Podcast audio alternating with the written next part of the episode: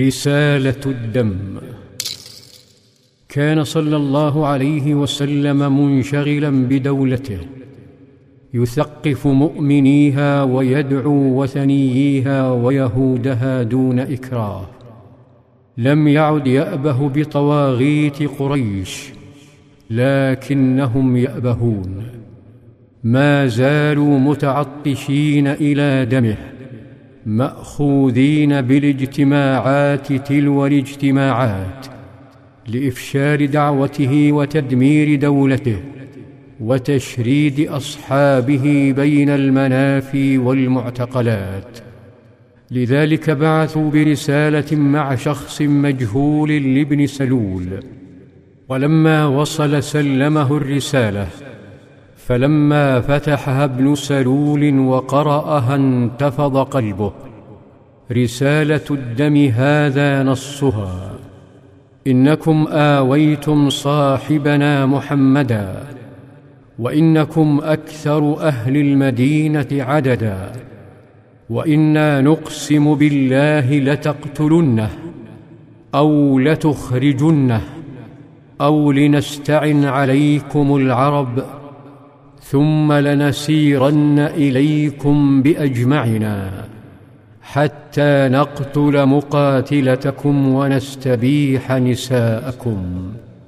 خالط ابن سلول شعور الخوف بالفرح بقرب نهاية محمد وصحبه. طوى ابن سلول الرسالة. وعاد المبعوث بعد أن سمع إشارة إيجابية افرحت طواغيت قريش وربما فركوا أيديهم انتظارا لنتائجها السعيدة. أما ابن سلول فراسل كبار الوثنيين في المدينة يستشيرهم يحرضهم ويدعوهم لاجتماع بارغ الخطورة. وفي الموعد المحدد انسلوا كالحيات نحو مكان سري كالجحر. ناقشوا الرسالة ثم اتفقوا على شن حرب أهلية تستأصل دولة الإسلام. لكنهم في مدينة الحب والكرم والنخيل. ما كانت لتنقض بيعتها. ولا لتتخلى عن حبيبها.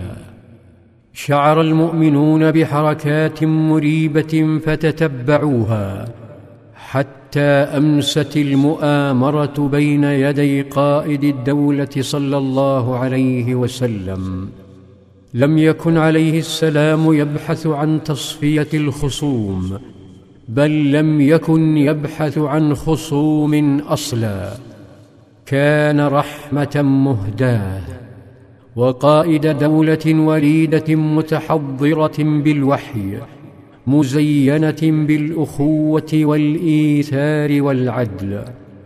ما كان صلى الله عليه وسلم ليفرط بهذه المكتسبات من أجل أن يشفي غليله من ابن سلول. وما كان صلى الله عليه وسلم ليضع دولته في مهب الريح من أجل كلمة وثني سفيه مجها في الطريق.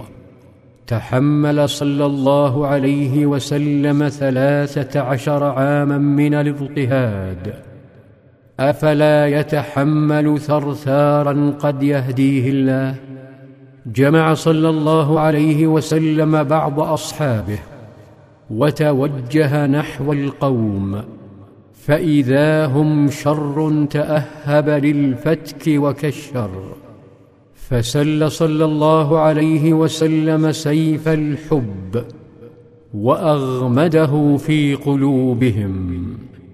أما الفتنة فولت حين سمعته يهتف بهم معاتبا عقولهم ويقول لقد بلغ وعيد قريش منكم المبالغ ما كانت لتكيدكم بأكثر مما تريدون أن تكيدوا به أنفسكم فأنتم هؤلاء تريدون أن تقتلوا أبناءكم وإخوانكم نظر بعضهم إلى بعض فخجلوا وخفضوا رؤوسهم وسيوفهم ندما ثم تفرقوا. في ظلال السيرة.